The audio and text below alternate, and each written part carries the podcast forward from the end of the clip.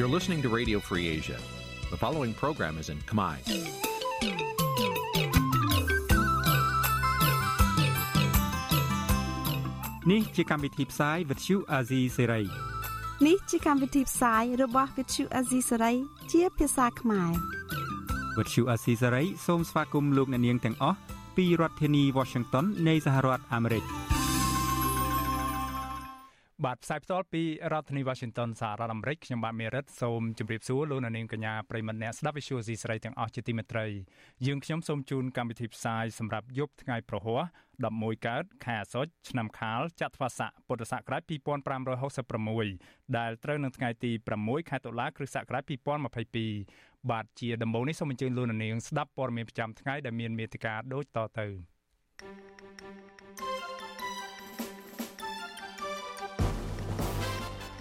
តឡាការបើកសវនាការ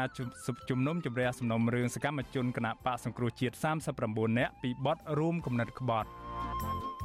ឪពុកយុវជន Tel Thailand ថាកូនប្រុសរបស់លោកមិនបានលួចលក់ទ្រព្យសម្បត្តិអ្នកដទៃដោយតាមការចោទប្រកាន់នោះឡើយសមត្ថកិច្ចខេត្តស្វាយរៀងចាប់ខ្លួនជនជាតិចិនម្នាក់រឿងចាប់បង្ខាំងចម្រិតទាប្រាក់ សម្ភារមេគណៈបកប្រជាធិបតេយ្យមូលដ្ឋានជំវិញជំហរបង្កើតសម្ព័ន្ធភាពនយោបាយជាមួយបកក្រៅរដ្ឋាភិបាលរួមនឹងព័ត៌មានសំខាន់សំខាន់មួយចំនួនទៀត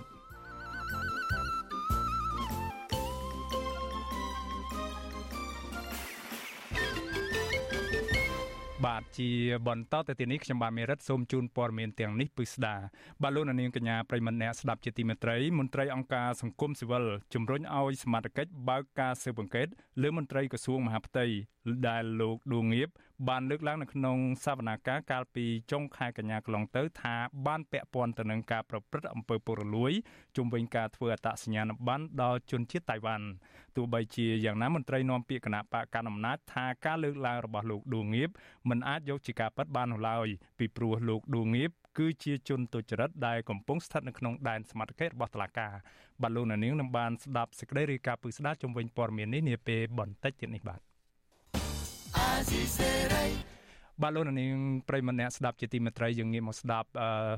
ជុំវិញព័ត៌មានតកតងទៅនឹងការកាត់ក្តីលើសំណុំរឿងរបស់សកម្មជនគណៈបកសង្គ្រោះជាតិវិញម្ដងបាទសកម្មជនគណៈបកសង្គ្រោះជាតិប្រាប់តឡាការថាពួកគេមិនបានប្រព្រឹត្តបទល្មើសដោយតាមការចាត់ប្រកាន់នោះទេ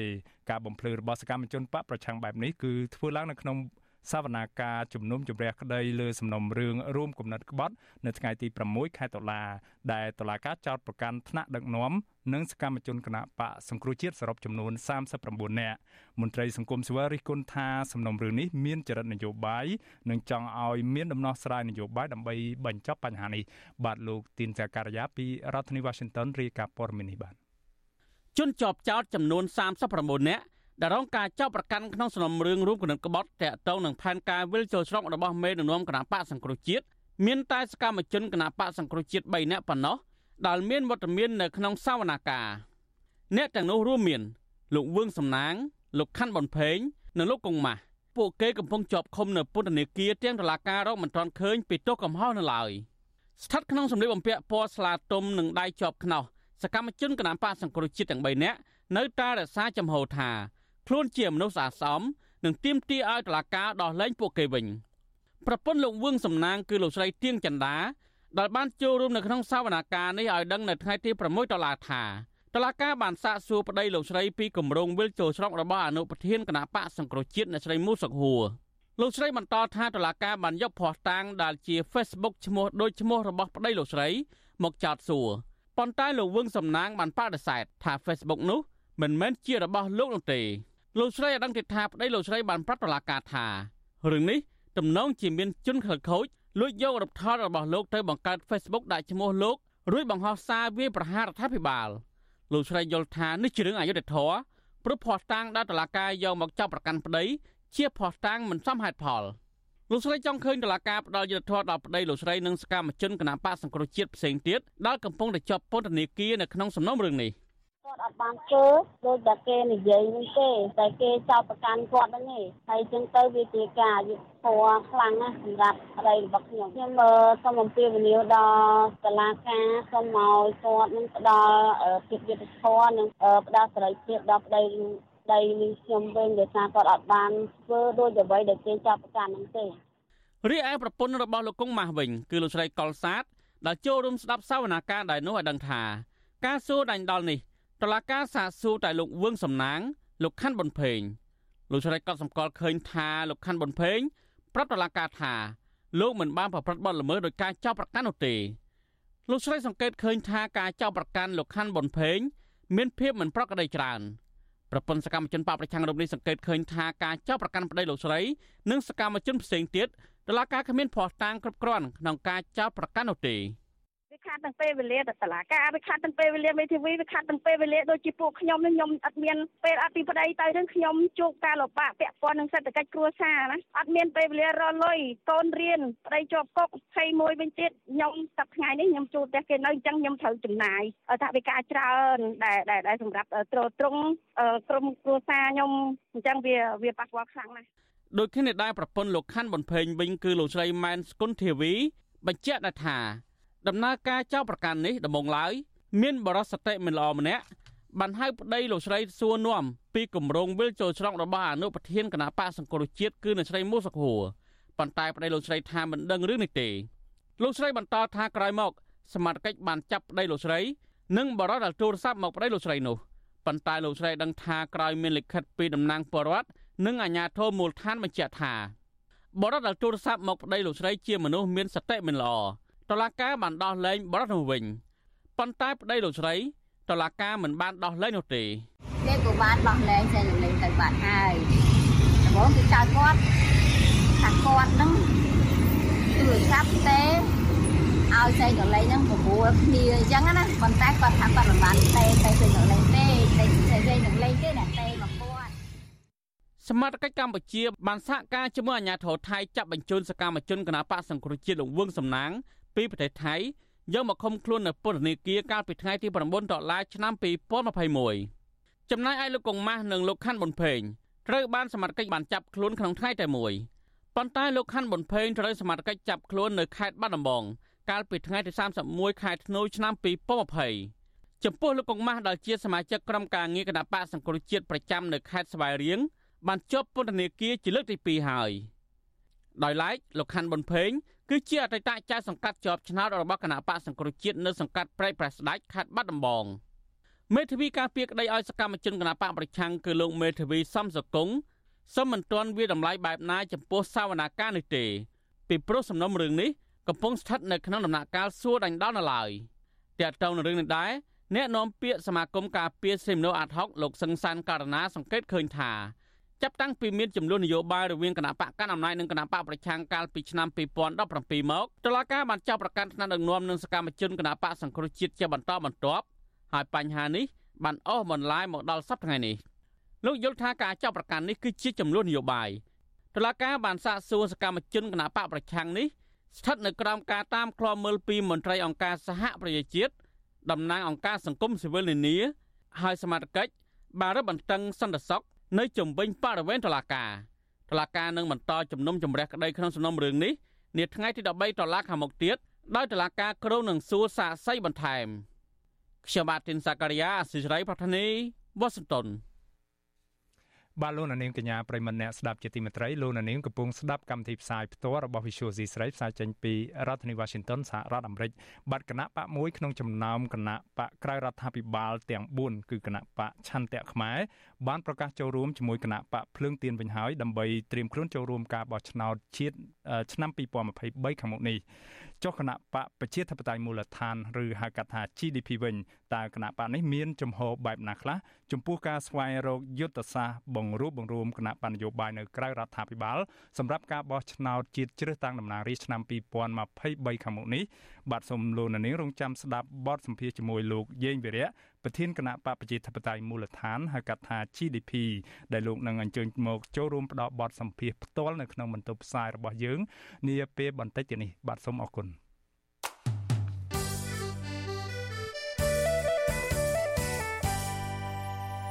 បាទលោកនាងជាទីមេត្រីយើងងាកមកស្ដាប់ព័ត៌មានតាក់ទងទៅនឹងទឹកជន់លិចផ្លូវនៅឯខេត្តបាត់ដំបងឯនោះវិញបាទអាជ្ញាធរខេត្តបាត់ដំបងជូនដំណឹងផ្អាកមិនអោយរថយន្តធុនធ្ងន់ចូលក្រុងស្របពេលដែលទឹកជំនន់បានលិចផ្លូវនៅក្នុងតំបន់មួយចំនួននៅក្នុងខេត្តនេះពលរដ្ឋលើកឡើងថាផ្លូវជាច្រើនរងនឹងការខូចខាតនាំឲ្យពិបាកធ្វើដំណើរពេលមានទឹកជន់លិចលើផ្លូវបានមន្ត្រីសង្គមស៊ីវិលយល់ឃើញថាគួរបង្កើតគណៈកម្មការថែទាំត្រួតពិនិត្យគុណភាព និងរឹតបន្តឹងច្បាប់នៅក្នុងការប្រើប្រាស់ផ្លូវព្រមទាំងផ្សព្វផ្សាយដល់ពលរដ្ឋពីការចូលរួមថែទាំផ្លូវបាទពីរដ្ឋធានី Washington លោកជាតិចំណានរាយការណ៍ព័ត៌មាននេះបាទអញ្ញាធរខាត់បាត់ដំបងផ្អាករថយន្តដឹកទំនិញធុនធ្ងន់គ្រប់ប្រភេទធ្វើចរាចរណ៍ចូលក្រុងបាត់ដំបងជាបណ្ដោះអាសន្នដោយសារតែស្ថានភាពទឹកជំនន់ស្ទឹងសង្កែកំពុងជន់ឡើងបណ្ដាលឲ្យលិចលង់ផ្លូវមួយចំនួនក្នុងក្រុងបាត់ដំបងទឹកជំនន់ប៉ះពាល់ដល់ផ្លូវថ្នល់ដែលមិនអាចទ្រទម្ងន់របស់រថយន្តធុនធ្ងន់បានឡើយ។ វិសុអាស៊ីសេរីមិនអាចតាក់ទងប្រធានមន្ត្រីធនធានទឹកលោកលងផគុណនិងអភិបាលក្រុងបាត់ដំបងលោកផេងសទ្ធីដើម្បីសូមអត្ថាធិប្បាយពាក់ព័ន្ធផលប៉ះពាល់ពីគ្រោះទឹកជំនន់ក្នុងខេត្តនេះបានទេនៅថ្ងៃទី6ខែតុលាដោយទូរស័ព្ទចូលតែគ្មានអ្នកទទួលប៉ុន្តែក្នុង page Facebook អភិបាលខេត្តបាត់ដំបងលោកសុកលូកាលពីថ្ងៃទី3ខែតុលាឲ្យដឹងថាផ្លូវមួយចំនួនធំក្នុងភូមិសាស្ត្រខេត្តបាត់ដំបងរងការខូចខាតដោយសារតែចំនួនទឹកស្ទឹងនិងទឹកភ្លៀងបើទោះបីជារដ្ឋាភិបាល ជួសជុលក្នុងអំឡុងពេលនេះក៏គ្មានប្រសិទ្ធភាពនោះដែរគឺត្រូវចាំរហូតដល់រដូវវស្សានិងការអនុម័តគម្រោងស្ថាបនាប្រព័ន្ធរំដោះទឹកភ្លៀងនិងទឹកកខ្វក់ពីធនាគារអភិវឌ្ឍអាស៊ីជាមុនសិនលោកថាដំណាក់កាលនេះរដ្ឋបាលខេត្តយកស៊ីម៉ងលាយថ្មមិចបិទផ្លូវសម្បុកមន់ទាំងនោះបណ្ដោះអាសន្នសិនចំណែកស្ថានភាពចំនួនទឹកភ្លៀងស្ទឹងសង្កែកើតឡើងពីការច្រាលមកពីក្នុងស្ទឹងសង្កែចូលក្រុងបាត់ដំបងដោយប៉ះពាល់ផ្នែកខ្លះក្នុងក្រុងនិងស្ថិតនៅទីទំនាបហើយស្ថានភាពទឹកជំនន់ បានថយមកកម្ពស់13.3ម៉ែត្របើធៀបនឹងព្រឹកថ្ងៃដដែលមានកម្ពស់13.6ម៉ែត្រប្រសិនបើទឹកមានកម្រិតកម្ពស់14ម៉ែត្រនឹងធ្វើការប្រកាសអាសន្នទោះជាយ៉ាងណាពលរដ្ឋមួយចំនួនក្នុងខេត្តបាត់ដំបងត្អូញត្អែពីការលំបាកក្រោយពីទឹកជំនន់បានលិចផ្លូវថ្នល់ដែលធ្វើឲ្យប៉ះពាល់ដល់ការប្រកបរបរប្រចាំថ្ងៃប្រជាពលរដ្ឋរស់នៅផ្សារបឹងឈុកលោកយោមដួងប្រាប់វិសុអេស៊ីសរ៉ៃនៅថ្ងៃទី6ខែតុលាថាក្នុងអំឡុងពេលទឹកជន់លិចផ្លូវនេះលោកពិបាកក្នុងការធ្វើដំណើរព្រោះមានកន្លុកធំធំ បណ្ដាឲ្យមានគ្រោះថ្នាក់ចរាចរណ៍ជាញឹកញាប់ដោយសារតែអ្នកបើកបរព្យាយាមកិច្ចកន្លុកឬជិះធ្លាក់កន្លុកជាដើមលោកយមដូមបន្តថាផ្លូវក្នុងក្រុងនិងជាក្រុងមួយចំនួន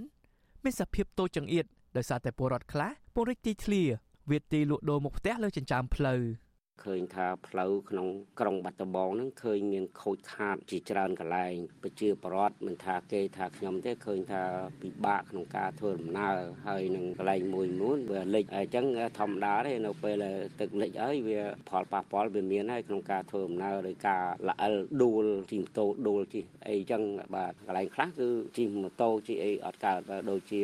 នៅ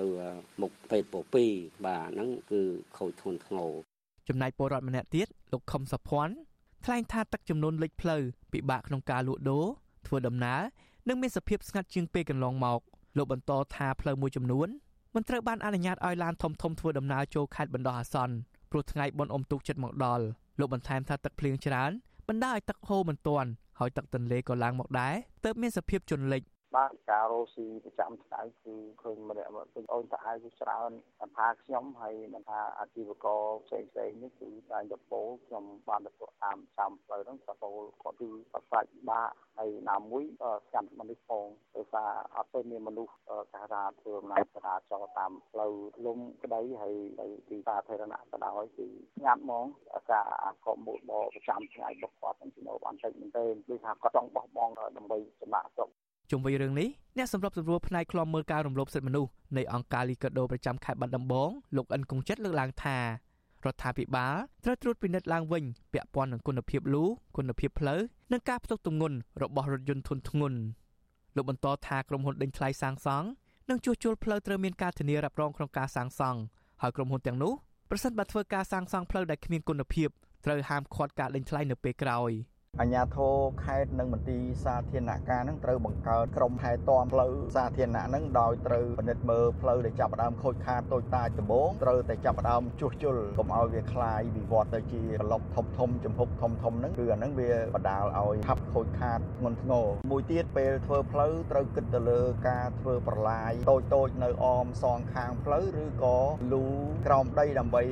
ឲ្យទឹកភ្លៀងដែលភ្លៀងមកហូរច្រោះទៅខាងក្រោមដីកុំឲ្យវាដក់ នៅលើផ្លូវថ្នល់ដល់ពេលដកទៅគឺវាអាចនឹងពេលដែលវាមានរថយន្តដឹកធ្ងន់មកប៉ះទង្គិចទៅវាអាចបណ្ដាលឲ្យផ្លូវនឹងបាក់ស្រុតលឿន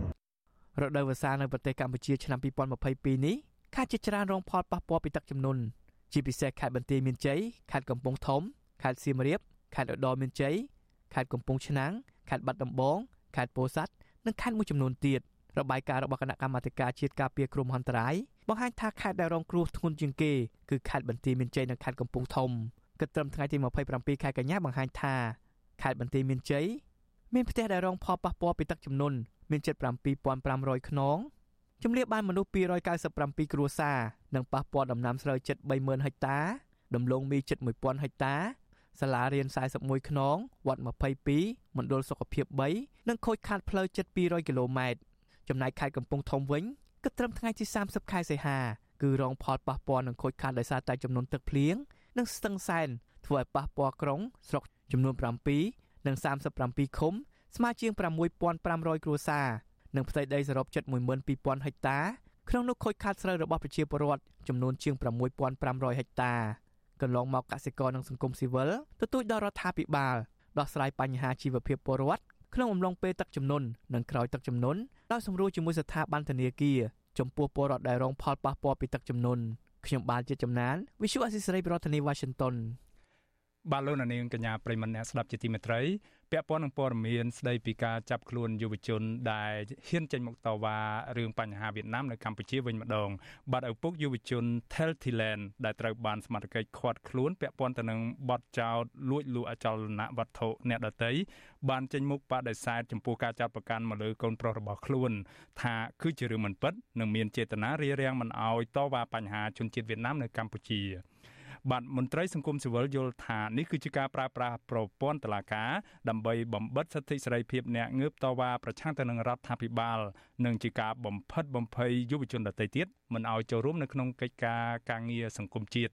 បាទលោកយ៉ងច័ន្ទដារារីកាព័រមីនេះបាទឪពុកបង្កើតរបស់លោក Thel Thilen បដិសេធការចោទប្រកាន់របស់តុលាការដែលថាកូនប្រុសរបស់លោកលួចលក់អចលនទ្រព្យរបស់អ្នកដទៃ លោកថាករណីនេះគឺជារឿងអយុត្តិធម៌ដែលមិនអាចទទួលយកបានឡើយឪពុកបង្កើតរបស់លោក Thel Thilen គឺលោក Pai Thel ប្រាប់វិទ្យុអាស៊ីសេរីនៅថ្ងៃទី6ខែតុលាថាការចោទប្រកាន់នេះកើតចេញពីពាក្យបណ្ដឹងរបស់បងស្រីលោកឈ្មោះខៀវគុណធុលដែលចង់បានដីចំការជាចំណែករបស់លោក Thel Thilen លោករៀបរាប់ថាកាលពីឆ្នាំ2008លោកបានចែកដីចំការមួយចំណែកនៅក្នុងស្រុកខ្សាច់កណ្ដាលឲ្យទៅកូនប្រុសរបស់លោកគឺលោក Thel Thilen ក្រោយមកនៅឆ្នាំ2016លោកបានធ្វើលិខិតផ្ទេរកម្មសិទ្ធិដីធ្លីដោយមានការដឹងឮពីអាជ្ញាធរមូលដ្ឋាន និងបានយកដីនោះទៅបញ្ចាំនៅក្នុងតម្លៃ16000ដុល្លារសម្រាប់យកទៅទិញរថយន្តរថឈ្នួលក៏ប៉ុន្តែបងស្រីរបស់លោកឈ្មោះខៀវកុនធុលនិងអ្នកផ្សំគំនិតផ្សេងទៀតបានលួចធ្វើប្លង់កម្មសិទ្ធិដីនោះថែមទាំងបានលួចធ្វើពាក្យបណ្ដឹងចោទប្រកាន់មកលើកូនប្រុសរបស់លោកថាបានលួចអចលនវត្ថុរបស់ពួកគេទៀតផង លោកលើកឡើងថាប្រព័ន្ធតុលាការនៅកម្ពុជា មានភាពអយុត្តិធម៌និងធ្វើការទៅតាមអារម្មណ៍ដោយគ្មានការស៊ើបអង្កេតស្រាវជ្រាវឲ្យបានច្បាស់លាស់មុននឹងឈានទៅដល់ការឃាត់ខ្លួនកូនប្រុសរបស់លោកនោះឡើយលើសពីនេះទៅទៀតលោកថាតុលាការបានឆ្លៀតឱកាសយកបញ្ហាផ្ទាល់ខ្លួនរបស់កូនលោកដើម្បីធ្វើជាការបង្អាក់សកម្មភាពតវ៉ារឿងបញ្ហាវៀតណាមនៅកម្ពុជាទៅវិញ ខ្ញុំនិយាយសុទ្ធតែការពិតណាខ្ញុំនិយាយប្រហត់ការពិតខ្ញុំអត់និយាយទេពួកនីតិវិធីរបស់តុលាការខ្ញុំខ្ញុំជប់អស់គ្នាជំនឿពួកវាធ្វើតាមអារម្មណ៍ធ្វើតាមលុយប្រពន្ធឥឡូវគ្នាឡើងដូចនេះបដាចាឥឡូវឪពុកនឹងស្លាប់ហើយជាប់ពន្ធនាគារទៀតមួយរយៈពេលចុងក្រោយនេះលោក Thel Thilen បានចេញមុខនៅក្នុងសកម្មភាពសង្គមជាពិសេសគឺការតវ៉ាប្រឆាំងនឹងការបង្កើតដេប៉ាតឺម៉ង់ភាសាវៀតណាមនៅកម្ពុជានិងការផ្ដល់បានស្នាក់នៅអចិន្ត្រៃយ៍ដល់ជនបរទេសនៅកម្ពុជា សមត្ថកិច្ចបានចាប់ខ្លួនលោកកាលពីថ្ងៃទី4ខែតុលាហើយតុលាការខេត្តកណ្ដាលបានសម្រេចឃុំខ្លួនលោកបណ្ដោះអាសន្នពីបទលួចលក់អចលនវត្ថុរបស់អ្នកដទៃដែលដីកាបង្គាប់ឲ្យឃុំខ្លួនរបស់ចៅក្រមស៊ើបសួរលោកផ្លុងវិសាល បានចោទយុវជនរូបនេះថា បានប្រព្រឹត្តអំពើល្មើសនេះតាំងពី6ឆ្នាំមុនមកម្លេះ។ ជុំវិញរឿងនេះវិទ្យុអាស៊ីសេរីមិនអាចតាក់ទងសុំការបំភ្លឺបន្ថែមពីអ្នកនាំពាក្យសាលាដំបងខេត្តកណ្ដាលលោកសូសេរិន និងចៅក្រមស៊ើបសួរនៃសាលាដំបងខេត្តកណ្ដាលលោកផ្លុងវិសាលបាននៅឡើយទេ នៅថ្ងៃទី6ខែតុលាដោយទូរស័ព្ទចូលតែពុំមានអ្នកទទួលជុំវិញរឿងនេះប្រធានសមាគមការពារសិទ្ធិមនុស្សអាត់ហុកលោកនីសុខាយល់ឃើញថា តុលាការចេញដីកាឃុំខ្លួនលោក Thel Thilen នៅក្នុងបំណងបំបិទសិទ្ធិបញ្ចេញមតិរបស់លោកទៅលើបញ្ហាជនជាតិវៀតណាមជាជាងការអនុវត្តនីតិវិធីច្បាប់លើបទចោទ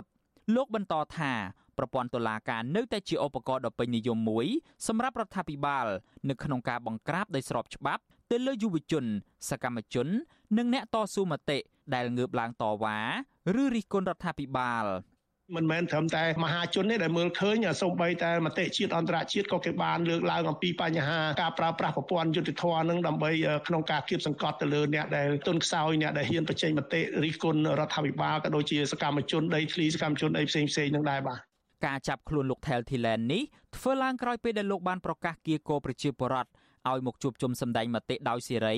តាក់ទងទៅនឹងបញ្ហាសង្គមជាតិនៅទីលានប្រជាធិបតេយ្យដែលលោកគ្រងធ្វើនៅថ្ងៃសុក្រទី7ខែតុលា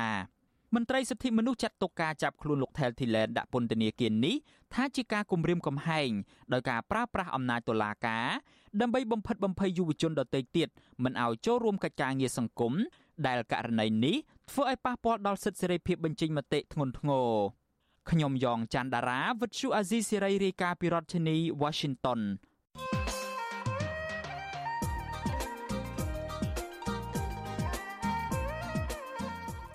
បាទលោកនាងជាទីមេត្រីលោកនាយរដ្ឋមន្ត្រីហ៊ុនសែនបានប្រកាសកាលពីពេលថ្មីៗនេះថាលោកមិនអោយក្រុមគ្រួសារយកសាកសពឬធាតទៅតម្កល់នៅចេតិយក្នុងវត្តអារាមនោះឡើយ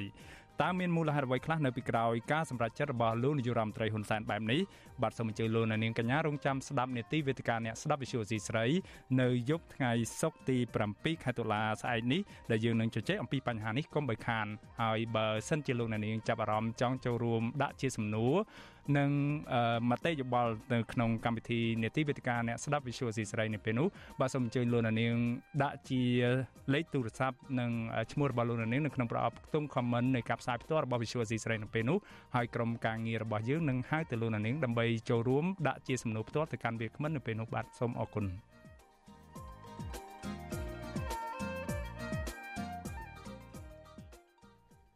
បាទលោកនាងជាទីមេត្រីយើងងាកមកស្ដាប់ព័ត៌មានតាក់ទងទៅនឹងការបន្តធ្វើសកម្មភាពជុំវិញករណីអង្គញាដួងងៀបវិញម្ដងបាទមន្ត្រីអង្គការសង្គមស៊ីវិលជំរុញឲ្យសមាជិកបើកការស៊ើបអង្កេតលើមន្ត្រីក្រសួងមហាផ្ទៃដែលលោកដួងងៀប បានលើកឡើងនៅក្នុងសវនាការកាលពីចុងខែកញ្ញាកន្លងទៅថាបានពាក់ព័ន្ធនឹងអំពើពុករលួយជំវិញការចេញឬក៏ធ្វើអត្តសញ្ញាណប័ណ្ណដល់ជនជាតិចិនតៃវ៉ាន់បាទបើទោះបីជាយ៉ាងណាក៏ដោយមន្ត្រីនាំពាក្យគណៈបកកណ្ដាលអំណាចថាការលើកឡើងរបស់អង្គញាឌួងងៀបមិនអាចយកជាការពិតបាននោះឡើយព្រោះលោកឌួងងៀបគឺជាជនទុច្ចរិតដែលកំពុងស្ថិតនៅក្នុងដែនសមត្ថកិច្ចរបស់តុលាការបាទលោកថាថៃរីកាព័រមេនេះបាទអតីតឧត្តមសេនីយ៍ឯកនៃក្រសួងមហាផ្ទៃលោកឌួងងៀប ដែលកំពុងជាប់ឃុំនៅពន្ធនាគាររាជធានីភ្នំពេញបានលើកឡើងក្នុងសវនាការកាលពីថ្ងៃទី29ខែកញ្ញាថាលោកបានទទួលលុយ120,000ដុល្លារសម្រាប់មនុស្សម្នាក់ដើម្បីធ្វើអត្តសញ្ញាណប័ណ្ណខ្មែរដល់ជនជាតិចិនតៃវ៉ាន់សរុប5នាក់លោកឌុងងៀបបន្ថែមថាប្រាក់ដែលក្រុមហ៊ុនរបស់លោកទទួលបានពីការធ្វើអត្តសញ្ញាណប័ណ្ណនេះមានត្រឹមតែ5000ទៅ10000ដុល្លារអាមេរិកតែប៉ុណ្ណោះសម្រាប់មនុស្សម្នាក់ដែលចំនួននេះស្មើនឹង10%តែប៉ុណ្ណោះជាមួយគ្នានេះ លោកឌួងងៀបបន្ថែមថាលោកបានបង់ប្រាក់ទៅឲ្យមន្ត្រីនគរបាលដើម្បីដំណើរការផ្ដល់អត្តសញ្ញាណប័ណ្ណដល់ជនជាតិចិនតៃវ៉ាន់ហើយលោកបានធ្វើបែបនេះជាច្រើនមកហើយតាំងពីលោកសុកអាននៅមានជីវិតមកម្លេះលោកឌួងងៀបដែលកំពុងនៅជាប់ឃុំក្នុងពន្ធនាគាររាជធានីភ្នំពេញក្រុមបទចោតប្រកាន់ពីបទឆបោកនិងបទមិនបំពេញកាតព្វកិច្ចចំពោះឧបករណ៍អាចជួញដូរបានករណីចេញសែកស្អុយឲ្យទៅជនជាតិតៃវ៉ាន់2នាក់ក្នុងការរកស៊ីបណ្ដាក់ទុនជាមួយគ្នា ជុំវិញការលើកឡើងនេះនាយកទទួលបន្ទុកកិច្ចការទូតនៃអង្គការលីកាដូលោកអំសំអាតយល់ឃើញថាបើទោះបីជាការលើកឡើងរបស់លោកឌូងៀបស្ថិតក្នុងដែនសមត្ថកិច្ចរបស់តុលាការក្តីប៉ុន្តែការលើកឡើងរបស់លោកឌូងៀបនេះក៏អាចយកជាការបានដែរព្រោះសវនាការនោះគឺធ្វើឡើងជាសាធារណៈលោកអំសំអាតបន្ថែមថាការផ្ដល់អត្តសញ្ញាណប័ណ្ណដល់ជនបរទេសតាមរយៈការលើកឡើងរបស់លោកឌូងៀបនេះគឺខុសពីច្បាប់ដែលបានចែងក្នុងការផ្ដល់សញ្ជាតិលោកអំសំអាតជំរុញឲ្យមន្ត្រីមានសមត្ថកិច្ច បើការស៊ើបអង្កេតលើមន្ត្រីក្រសួងមហាផ្ទៃដែលជាប់ពាក់ព័ន្ធជាមួយនឹងការធ្វើអត្តសញ្ញាណប័ណ្ណខ្មែរដល់ជនជាតិតៃវ៉ាន់ទាំងនេះបើសិនជារឿងនេះវាបែកធ្លាយអញ្ចឹងទៅហើយខ្ញុំគិតថាដើម្បីតម្លាភាពនិងយុត្តិធម៌វាគួរតែមានការ ស្រាវជ្រាវបានច្បាស់លាស់ព្រោះអាហ្នឹងវាជារឿងយុត្តិធម៌ទាំងសងខាងទេថាតើបើសិនជាមានរឿងនឹងកើតឡើងមែនអាហ្នឹងវាត្រូវតែមានវិធានការតែបើអត់ទេអាហ្នឹងក៏ត្រូវតែបង្ហាញអំពីតម្លាភាពនិងភាពយុត្តិធម៌ទាំងសងខាងដើម្បីកុំឲ្យមានការចោទប្រកាន់ពីភាគីណាមួយនោះបាទស្រដៀងគ្នានេះដែរអ្នកនាំពាក្យសមាគមការពារសិទ្ធិមនុស្សអាត់ហុកលោកសង្សានករណាយល់ឃើញថាដំណើរការនៃការផ្ដល់អត្តសញ្ញាណប័ណ្ណដែលលោកឌុងងៀបបានឆ្លើយបំភ្លឺនេះ មិនត្រឹមត្រូវតាមច្បាប់ចែងពីការផ្ដល់សញ្ជាតិឡើយលោកសង្សានករណាបន្ថែមថាករណីអុកញ៉ាឌុងងៀបនេះគូត្រូវបានចាត់ទុកជាបទពិសោធន៍មួយសម្រាប់អុកញ៉ាផ្សេងផ្សេងទៀតក្នុងការរៀនសូត្រតាមហើយត្រូវលះបង់ចំនួនទុច្ចរិតដើម្បីឲ្យស័កសមទៅនឹងងារជាអុកញ៉ាដែលព្រះមហាក្សត្រប្រគល់ឲ្យជាមួយគ្នានេះលោកសង្សានករណាថាស្ថាប័នពាក់ព័ន្ធគូមានវិធានការពិនិត្យមើលការកើនឡើងភាពមិនប្រក្រតីនៃទ្រព្យសម្បត្តិអុកញ៉ាមួយចំនួនផងដែរ បើសិនជាករណីហ្នឹងបានកើតឡើងនៅក្នុងករណីរបស់លោកដួងងៀបហើយបែរជាมันមានចំណាត់ការទៅលើក្រមចាក្រមឬក៏តឡាការដែលពាក់ព័ន្ធទៅនឹងបញ្ហាអំពើពុករលួយជាមួយនឹងករណីរបស់លោកដួងងៀបហ្នឹងបែរជារួចខ្លួនអំពីការប្រព្រឹត្តអាហ្នឹងជារឿងមួយដែលមិនល្អប្រសើរនោះទេចង់មិនចង់វាច្បាស់ជាប៉ះពាល់ទៅដល់មុខមាត់នៃតឡាការកម្ពុជាយើងជាពិសេសចាក្រមពាក់ព័ន្ធទាំងអស់នឹងឯង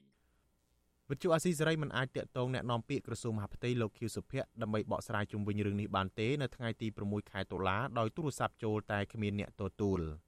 ដោយឡែកអ្នកនាំពាក្យគណៈបកប្រជាជនកម្ពុជាលោកសុកអេសានថ្លែងថាការលើកឡើងរបស់លោកឌួងងៀបមិនអាចយកជាការបានឡើយព្រោះអុកញ៉ារូបនេះស្ថិតក្នុងដែនសមត្ថកិច្ចរបស់តុលាការដោយឡែកឆ្លើយតបទៅនឹងការលើកឡើងរបស់លោកឌួងងៀបនេះថាលោកបានជួយដល់គណៈបកប្រជាជនកម្ពុជាជាច្រើនតែចុងក្រោយលោកមិនអាចរកជំនួយពីលោកហ៊ុនសែនបាន នៅពេលចៅក្រមលោកតាំងសុនឡាយនិងចៅក្រមពីររូបទៀតចម្រិតទាលុយពីលោករហូតអស់ពីខ្លួននោះលោកសុកអេសានថាគណៈបកប្រជាជនកម្ពុជា មិនដែលជួយជន់តូចចរិតឡើយ។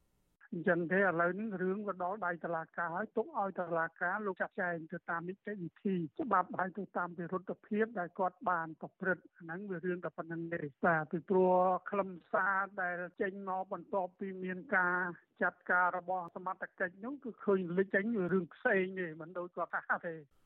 លោកឌុងងៀបដែលមានតំណែងជាឧត្តមសេនីយ៍នៃក្រសួងមហាផ្ទៃពាក្យផ្កាយ3ផងនោះកាលពីថ្ងៃទី14ខែកុម្ភៈបានរងការចាត់ប្រកាន់ពីបទឆបោកនិងបទមិនបំពេញកាតព្វកិច្ចចំពោះឧបករណ៍អាចជួញដូរបានករណីចែងសែកស្អុយឲ្យទៅជនជាតិតៃវ៉ាន់2នាក់ក្នុងការរកស៊ីបណ្ដាក់ទុនជាមួយគ្នាការចាប់ឃុំខ្លួននោះធ្វើឡើងមួយថ្ងៃក្រោយពេលលោកឌុងងៀបបានចេញមកសំទោសប្រធានសាលាដំបងរាជធានីភ្នំពេញលោកតាំងសុនឡាយចំពោះការប្រកាសក្នុងន័យថាលោកអស់លុយពីខ្លួន សម្រាប់សូកប៉ាន់ទៅឲ្យចៅក្រមទៀតហើយព្រោះចៅក្រមពីរនាក់កន្លងមកបានធ្វើឲ្យសំណុំរឿងរបស់លោកប្រែពីសទៅខ្មៅហើយពួកគេតែងតែចម្រិតយកលុយពីលោករាល់ពេលមានការកោះហៅឲ្យចូលតុលាការម្ដងម្ដងលោកឌុងងៀបអះអាងទៀតថាក្រោយរងការចម្រិតទារប្រាក់នេះលោកធ្លាប់ទៅសុំជំនួយពីលោកនាយករដ្ឋមន្ត្រីហ៊ុនសែននិងមន្ត្រីកម្ពុជាកម្ពុជាជាច្រើនទៀតប៉ុន្តែពុំបានប្រយោជន៍ឡើយដោយពួកគេបានរុញដាក់គ្នាពីមួយទៅមួយក្រៅពីនេះ លោកអុកញ៉ាឌួងងៀបក៏បានបង្ហាញការសោកស្ដាយដែរដែលលោកខិតខំជួយដល់គណៈបកប្រជាជនកម្ពុជាក៏ប៉ុន្តែចុងក្រោយលោកបែរជាជួបរឿងអយុត្តិធម៌ទៅវិញខ្ញុំថាថៃពីរដ្ឋធានី Washington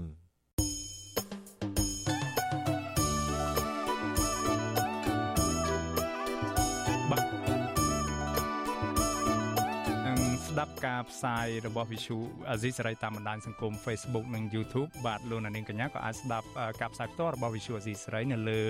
បណ្ដាញរលកធាតុអាកាសកម្រិតខ្លីឬយើងហៅថា Shortwave តាមកម្រិតនិងកម្ពស់ដូចតទៅនេះបាទពេលព្រឹកគឺចាប់ពីម៉ោង5កន្លះដល់ម៉ោង6កន្លះតាមរយៈរលកធាតុអាកាសខ្លីកម្រិត12140 kHz ស្មើនឹងកម្ពស់ 25m និង13715 kHz កញ្ញានឹងកម្ពស់ 22m បាទពេលយប់ចាប់ពីម៉ោង7កន្លះដល់ម៉ោង8កន្លះតាមរយៈរលកធារកាសខ្លី9990 kHz ស្មើនឹងកម្ពស់ 30m 12140 kHz ស្មើនឹងកម្ពស់ 25m និង11885 kHz ស្មើនឹងកម្ពស់ 25m បាទសូមអរគុណ បាទទន្ទឹមគ្នានឹងការស្ដាប់កម្មវិធីផ្សាយផ្ទាល់របស់វិទ្យុអាស៊ីសេរីប្រសិនបើលោកនាងពេញចិត្តទៅនឹងសេចក្តីរាយការណ៍នានាដែលយើងខ្ញុំកំពុងជម្រាបជូននេះបាទសូមអញ្ជើញលោកនាងចូលរួមចែករំលែកការផ្សាយផ្ទាល់របស់យើងដើម្បីឲ្យប្រិយមិត្តរបស់យើងនិងពលរដ្ឋកម្ពុជាទូទៅបានស្ដាប់និងយល់ដឹងអំពីព័ត៌មានទាក់ទងនឹងបញ្ហាកម្ពុជាបាទលោកនាងជាទីមេត្រីយើងងាកមកស្ដាប់ព័ត៌មានទាក់ទងទៅនឹងករណីចាប់ចម្រិតបង្ខាំងអឺជុំវិញនៅខេត្តស្វាយរៀងឯនោះវិញបាទតាក់ទងនឹងករណីចាប់ចម្រិតមនុស្ស វិញម្ដងបាទសមត្ថកិច្ចខេត្តស្វាយរៀងចាប់ជនសង្ស័យជនជាតិចិនម្នាក់ពាក់ព័ន្ធនឹងករណីចាប់បង្ខាំងជនជាតិចិនដូចគ្នាដើម្បីចម្រិតទារប្រាក់មន្ត្រីអង្គការសង្គមស៊ីវិលយល់ឃើញថាអាជ្ញាធរខេត្តស្វាយរៀងគួរតែស៊ើបអង្កេតករណីបង្ខាំងមនុស្សនេះឲ្យបានស៊ីជម្រៅបន្ថែមទៀតដោយសារតែក្រមអ ுக ្រិតជន បន្តពង្រីកបណ្ដាញប្រតិបត្តិការជួញដូរនិងបង្ខាំងមនុស្សយ៉ាងផុសផុលដោយខុសច្បាប់នៅកម្ពុជា បាទលោកសេមនិតរាយការណ៍ព័ត៌មាននេះបាទ កម្លាំងសមត្ថកិច្ចអធិការដ្ឋាននគរបាលក្រុងបាវិតខេត្តស្វាយរៀងកាលពីថ្ងៃទី5ខែតុលាបានចាប់ខ្លួនជនជាតិចិនម្នាក់មានឈ្មោះវ៉ាងស៊ីតុងពាក់ព័ន្ធនឹងករណីចាប់បង្ខាំងស្ត្រីជនជាតិចិនម្នាក់ដើម្បីចម្រិតទារប្រាក់មកទល់នឹងពេលនេះសមត្ថកិច្ចបានឃុំខ្លួនអ ுக ្រិតជនបណ្ដោះអាសន្ននៅអធិការដ្ឋាននគរបាលក្រុងបាវិតដើម្បីបន្តតាមដានតាមនីតិវិធី ការបង្ក្រាបករណីចាប់បង្ខាំងមនុស្សខុសច្បាប់ដើម្បីចម្រិតទារប្រាក់នេះក្រោយពីសមត្ថកិច្ចទទួលបានពាក្យបណ្ដឹងថាស្ត្រីជនរងគ្រោះត្រូវក្រុមអ ுக ្រិតជន បង្ខាំងនៅចំណុចផ្ទះល្វែងស្ថិតនៅក្នុងភូមិតាប៉ັບសង្កាត់បាវិតក្រុងបាវិតខេត្តស្វាយរៀងស្ត្រីជនជាតិចិនដែលរងគ្រោះនោះមានឈ្មោះលីសាន បានអះអាងប្រាប់សមត្ថកិច្ចក្រុងបាវិតថាខ្លួននាងនិងជនជាតិចិនផ្សេងទៀតចំនួន4នាក់ត្រូវបានគេបង្ខាំងតាំងពីថ្ងៃទី15ខែកញ្ញា ស្ត្រីជនរងគ្រោះបញ្ជាក់ទៀតថាក្រមអ ுக ្រិតជន បានគម្រាមនាងឲ្យប្រាប់ទៅអ្នកផ្ទះនៅឯប្រទេសចិនឲ្យបង់ប្រាក់ឲ្យពួកគេចំនួនជិត10000ដុល្លារដើម្បីជាធ្នូដោះលែងនាងឲ្យមានសេរីភាពមកវិញពាក់ព័ន្ធនឹងករណីនេះវិទ្យុអាស៊ីសេរីនៅពុំទាន់អាចតាក់ទងអភិបាលក្រុងបាវិតលោកលឹមសៀងហេងដើម្បីសុំការបញ្ជាក់បន្ថែមលើបញ្ហានេះបាននៅឡើយទេ នៅថ្ងៃទី6ខែកញ្ញាចំណែកអ្នកនាំពាក្យសាលាខេត្តស្វាយរៀងលោករស់ផារិត ក៏សូមមិនធ្វើអត្ថាធិប្បាយជុំវិញរឿងនេះដែរសូមសួរទៅស្នងការហ្មងទៅសូមសួរទៅស្នងការនគរបាលខេត្តគាត់ច្បាស់ការងារហ្នឹងចំណែកស្នងការនគរបាលខេត្តស្វាយរៀងលោកពេជ្រវិរៈក៏លោកមិនធ្វើអត្ថាធិប្បាយដែរជុំវិញរឿងនេះខ្ញុំពងចុះនៅរំដែងយកសុទ្ធសេវាឬអត់ច្បាស់ករណីបង្ខាំងឬជួញដូរមនុស្សនៅកម្ពុជា កំពុងក្លាយជារឿងមួយគួរឲ្យសោកសៅនិងបានធ្វើឲ្យសង្គមជាតិកម្ពុជាមានកេរ្តិ៍ឈ្មោះមិនល្អលើឆាកអន្តរជាតិ ក្រៅពីនេះប្រជាពលរដ្ឋព្រមទាំងប្រទេសមួយចំនួន ក្នុងតំបន់ដូចជាម៉ាឡេស៊ីថៃវៀតណាម និងឥណ្ឌូនេស៊ីជាដើមក៏មានការព្រួយបារម្ភដែរដោយណែនាំឲ្យពលរដ្ឋរបស់ពួកគេ ប្រុងប្រយ័ត្នខ្ពស់ចំពោះការងារដាក់ពាក្យធ្វើការមិនស្របច្បាប់នៅកម្ពុជា ជាងនេះទៅទៀតបុគ្គលិកផ្នែកសន្តិសុខកំពុងបម្រើការងារនៅមជ្ឈមណ្ឌលទីក្រុងហេងហេងនៅក្រុងបាវិតខេត្តស្វាយរៀង ក៏បានទម្លាយឲ្យវិទ្យុអាស៊ីសេរីដឹងថ្មីថ្មីនេះដែរថាមានជនបរទេសរាប់រយនាក់កំពុងត្រូវបានថៅកែជួនចិត្តចិន បង្ខាំងធ្វើទរណកម្មបង្ខំឲ្យធ្វើការងារឆបោកតាមប្រព័ន្ធអនឡាញចំណែកស្ត្រីជនជាតិវៀតណាមមួយចំនួនទៀតត្រូវបានគេបង្ខាំងឲ្យបម្រើសេវាកម្មផ្លូវភេទនិងលក់ដូរពួកគេពីក្រុមហ៊ុនមួយទៅក្រុមហ៊ុនមួយទៀតមន្ត្រីសង្គមស៊ីវិលលើកឡើងថា ក្រុមអ ுக ្រិតជនដែលអាចបន្តចាប់បង្ខាំងមនុស្សជំរិតទារប្រាក់ និងជួញដូរមនុស្សនៅកម្ពុជានេះអាចដំណើរការទៅបាន គឺដោយសារតែរដ្ឋាភិបាលអនុវត្តច្បាប់ធូររលុងហើយមន្ត្រីអាជ្ញាធរមួយចំនួន ប្រព្រឹត្តអំពើពុករលួយជាប្រព័ន្ធនាយកទទួលបន្ទុកទូតនៃអង្គការសិទ្ធិមនុស្សលីកាដូលោកអំសំអាត មានប្រសាសន៍ថារូបភាពនៃអំពើជួញដូរមនុស្សជាពិសេសករណីបង្ខាំងមនុស្សជំរិតទារប្រាក់ហាក់គ្មានការថមថយឡើយលោកទទូចដល់អាជ្ញាធរមានសមត្ថកិច្ចឲ្យពង្រឹងការអនុវត្តច្បាប់ និងស៊ើបអង្កេតទីតាំងមជ្ឈមណ្ឌលមួយចំនួនទៀតដែលរងការចោទប្រកាន់ថាបានបង្ខាំងមនុស្សធ្វើទរណកម្មដើម្បីបង្ខំឲ្យធ្វើការខុសច្បាប់នៅកម្ពុជា។ ហើយបើសិនជារឿងនឹងកើតមានត្រូវតែចាត់វិធានការតាមផ្លូវច្បាប់ដើម្បីរំដោះជនរងគ្រោះឲ្យមានសុវត្ថិភាពឡើងវិញណាពីព្រោះយើងឃើញហើយបញ្ហាចុងក្រោយនេះគឺកម្ពុជាយើងរងផលប៉ះពាល់នឹងការរិះគន់ធ្ងន់ធ្ងរទាក់ទងនឹងបញ្ហាការជួញដូរមនុស្សការបង្ខាំងមនុស្សនិងការចាប់ចម្រិតមនុស្សរវាងជនបរទេសនិងជនបរទេសជាពិសេសទាក់ទងការជួញដូរតាមប្រព័ន្ធអនឡាញជាដើមនឹងថ្មីថ្មីនេះលោកនាយករដ្ឋមន្ត្រីហ៊ុនសែន បានណែនាំឲ្យស្ថាប័នមានសមត្ថកិច្ចប្រាជ្ញាចិត្តខិតខំប្រឹងប្រែងប្រយុទ្ធប្រឆាំងនឹងអំពើជួញដូរមនុស្សនៅកម្ពុជា ទន្ទឹមនឹងការថ្លែងបែបនេះលោកហ៊ុនសែនខ្លួនឯងផ្ទាល់ព្រមទាំងក្មួយបង្ការរបស់លោកផងរួមទាំងក្រុមអង្គការនិងមន្ត្រីក្រាក់ក្រាក់មួយចំនួន កំពុងរងការចោទប្រកាន់ថា បានឈរជើងកាងការពារ និងមានទំនាក់ទំនងជាមួយនឹងក្រុមអ ுக ្រិតជនជនជាតិចិនដែលកំពុងប្រតិបត្តិការចាប់បង្ខាំមនុស្សនិងជួញដូរមនុស្សនៅកម្ពុជារបាយការណ៍ស្ដីពីការជួញដូរមនុស្សនៅឆ្នាំ2022របស់ក្រសួងការបរទេសអាមេរិកបានចេញផ្សាយកាលពីថ្ងៃទី19ខែកក្កដាបានទម្លាក់ចំណាត់ថ្នាក់កម្ពុជាមកកម្រិតទី3គឺអាក្រក់បំផុតបំធ្លាប់មានចាប់តាំងពីឆ្នាំ2015មកសហរដ្ឋអាមេរិកថារដ្ឋាភិបាលកម្ពុជា ពុំបានគោរពឲ្យបានពេញលេញនៅស្តង់ដារបពបរមាដើម្បីលុបបំបាត់នៅអំពើជួញដូរមនុស្សនិងពុំបានខិតខំប្រឹងប្រែងគួរឲ្យកត់សម្គាល់នៅក្នុងការប្រយុទ្ធប្រឆាំងនឹងអំពើជួញដូរមនុស្សនោះឡើយរបាយការណ៍អាមេរិកបន្ថែមទៀតថាកម្ពុជាដើរថយក្រោយនិងគ្មានឆន្ទៈនៅក្នុងការលុបបំបាត់អំពើជួញដូរមនុស្សនោះទេដោយសារតែអំពើពុករលួយបានរារាំងដល់ការអនុវត្តច្បាប់លើមន្ត្រីក្នុងជួររដ្ឋាភិបាលនិងក្រុមមនុស្សដែលមានលុយមានអំណាច ដើម្បីឲ្យមកទទួលខុសត្រូវតាមផ្លូវច្បាប់ពាក់ព័ន្ធនឹងករណីជួញដូរមនុស្សនៅកម្ពុជានោះទេខ្ញុំបាទសេកបណ្ឌិតវុទ្ធុអាស៊ីសេរីពីរដ្ឋធានីវ៉ាស៊ីនតោន បាទលោកនាងកញ្ញាប្រិមនៈស្ដាប់ជាទីមេត្រីលោកនាងកំពុងស្ដាប់កម្មវិធីផ្សាយផ្ទាល់របស់ Visual Asia ស្រីផ្សាយចេញពីរដ្ឋធានី Washington សហរដ្ឋអាមេរិកបាទគណៈបកមួយក្នុងចំណោមគណៈបកក្រៅរដ្ឋាភិបាលទាំង4គឺគណៈបកឆន្ទៈខ្មែរបានប្រកាសចូលរួមជាមួយគណៈបកភ្លើងទៀនវិញហើយកាលពីពេលថ្មីៗនេះដើម្បីត្រៀមខ្លួនចូលរួមបោះឆ្នោតជាតិឆ្នាំ2023នាពេលខាងមុខនេះបាទចុះចំពោះគណៈបកប្រជាធិបតេយ្យមូលដ្ឋានឬយើងហៅកាត់ថា GDP វិញតើគណៈបកនេះមានចំហបែបណា ជុំវិញការស្វែងរកយុទ្ធសាស្ត្របង្រួបបង្រួមគណៈបញ្ញយោបាយក្រៅរដ្ឋាភិបាលដើម្បីចូលរួមប្រកួតប្រជែងនៅក្នុងការបោះឆ្នោតជាតិខាងមុខនេះបាទសូមអញ្ជើញលោកនាងកញ្ញារងចាំស្ដាប់និងទស្សនាបទសម្ភាសជាមួយលោកយេងវិរៈប្រធានគណៈបកប្រជាធិបតេយ្យមូលដ្ឋានឬ GDP ដែលលោកនឹងអញ្ជើញមកចូលរួមផ្ដល់បទសម្ភាសដោយផ្ទាល់នៅក្នុងបន្ទប់ផ្សាយរបស់ Visual C សេរីនាពេលបន្តិចទៀតនេះបាទសូមអរគុណ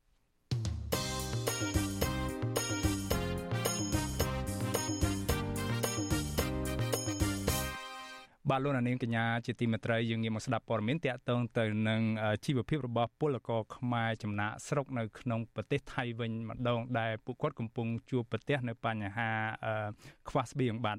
បាទពលករខ្មែរមួយក្រុមធ្វើការនៅប្រទេសថៃកំពុងប្រឈមទៅនឹងការដាច់ស្បៀងខ្វះអាហារហូបចុកនិងគ្មានប្រាក់ផ្ញើទៅឲ្យឪពុកម្ដាយនៅកម្ពុជា